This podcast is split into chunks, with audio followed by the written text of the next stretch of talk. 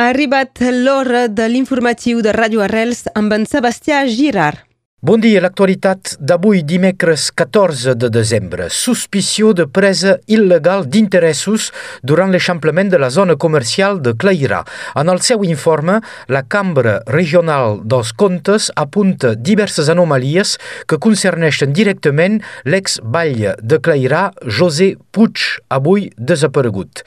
L'antic elegit era també president de la Comunitat de Comunes i propietari de bona part dels terrenys on van ser construïts els nous magatzems de la zona comercial. Sempre segons la Cambra Regional de Comptes, la seva filla, aleshores directora general de la Comunitat de Comunes, va tenir un paper actiu en el projecte d'ampliació.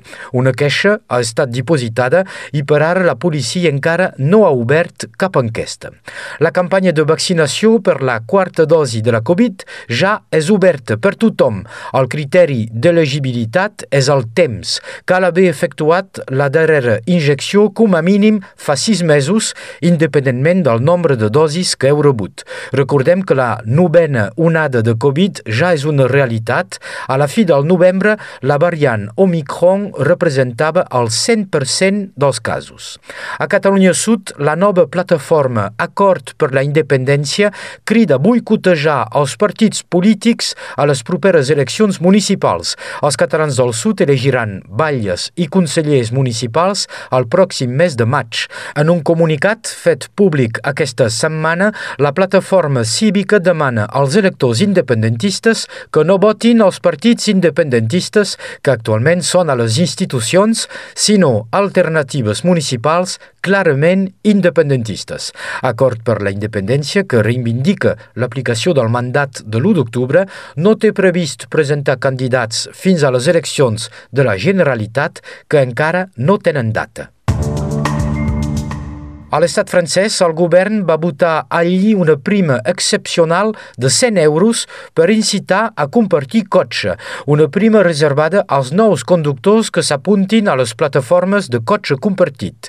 Amb la pujada dels preus del carburant i la necessitat de reduir la contaminació de l'aire, compartir cotxe resulta molt eficaç. A més de la prima, el govern francès ajudarà les col·lectivitats territorials que apostin pel cotxe compartit i participarà en el finançament finançament de pàrquings dedicats.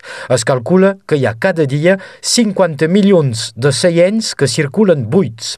Dos anys de presó condicional pel president de la Federació Francesa de Rugby a 15. Bernard Laporte va ser jutjat culpable de corrupció per haver afavorit el seu còmplice, l'empresari Mohamed Altrad, també condemnat a 18 mesos de presó condicional. Els fets remunten al 2017, quan la Federació de Rugby a 15 va atorgar al grup Altrad al mercat del patrocini de la samareta de la selecció francesa uns 180.000 euros cobrats sense que l'acord s'executi mai. Bernard Laporte ja ha anunciat que portaria el cas a l'acord d'apel·lació i acabem aquesta edició amb la programació del dia del Festival 10 sobre 10, amb avui dimecres una jornada que comença a les dues de la tarda amb una lliçó de cinema a l'Institut Jean Vigo i la projecció del documental Anima Música d'Etienne Firobin. El col·lectiu La Frixa animarà un debat intitulat Canviar la mirada mediàtica i els escenaris, concert del grup Binois i Clar, un mercat nocturn i el DJ Olivier de Sant Nicolàs.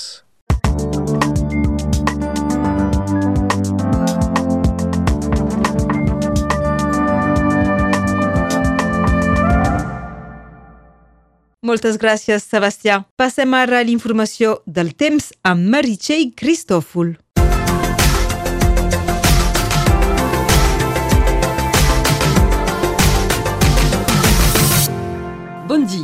Poc vent avui, però molta humitat. Les ràfegues màximes no haurien de despassar els 15 km per hora i se preveu episodis de pluja sobre una gran part del país. Les temperatures elles queden constants, 12 graus a Perpinyà, a Bages i a Sant Genís de Fontanes, 11 a Millars, Casa Fabra i a Campoma, 10 a Seret i a Vingrau, 5 a Ió i 3 als Angles.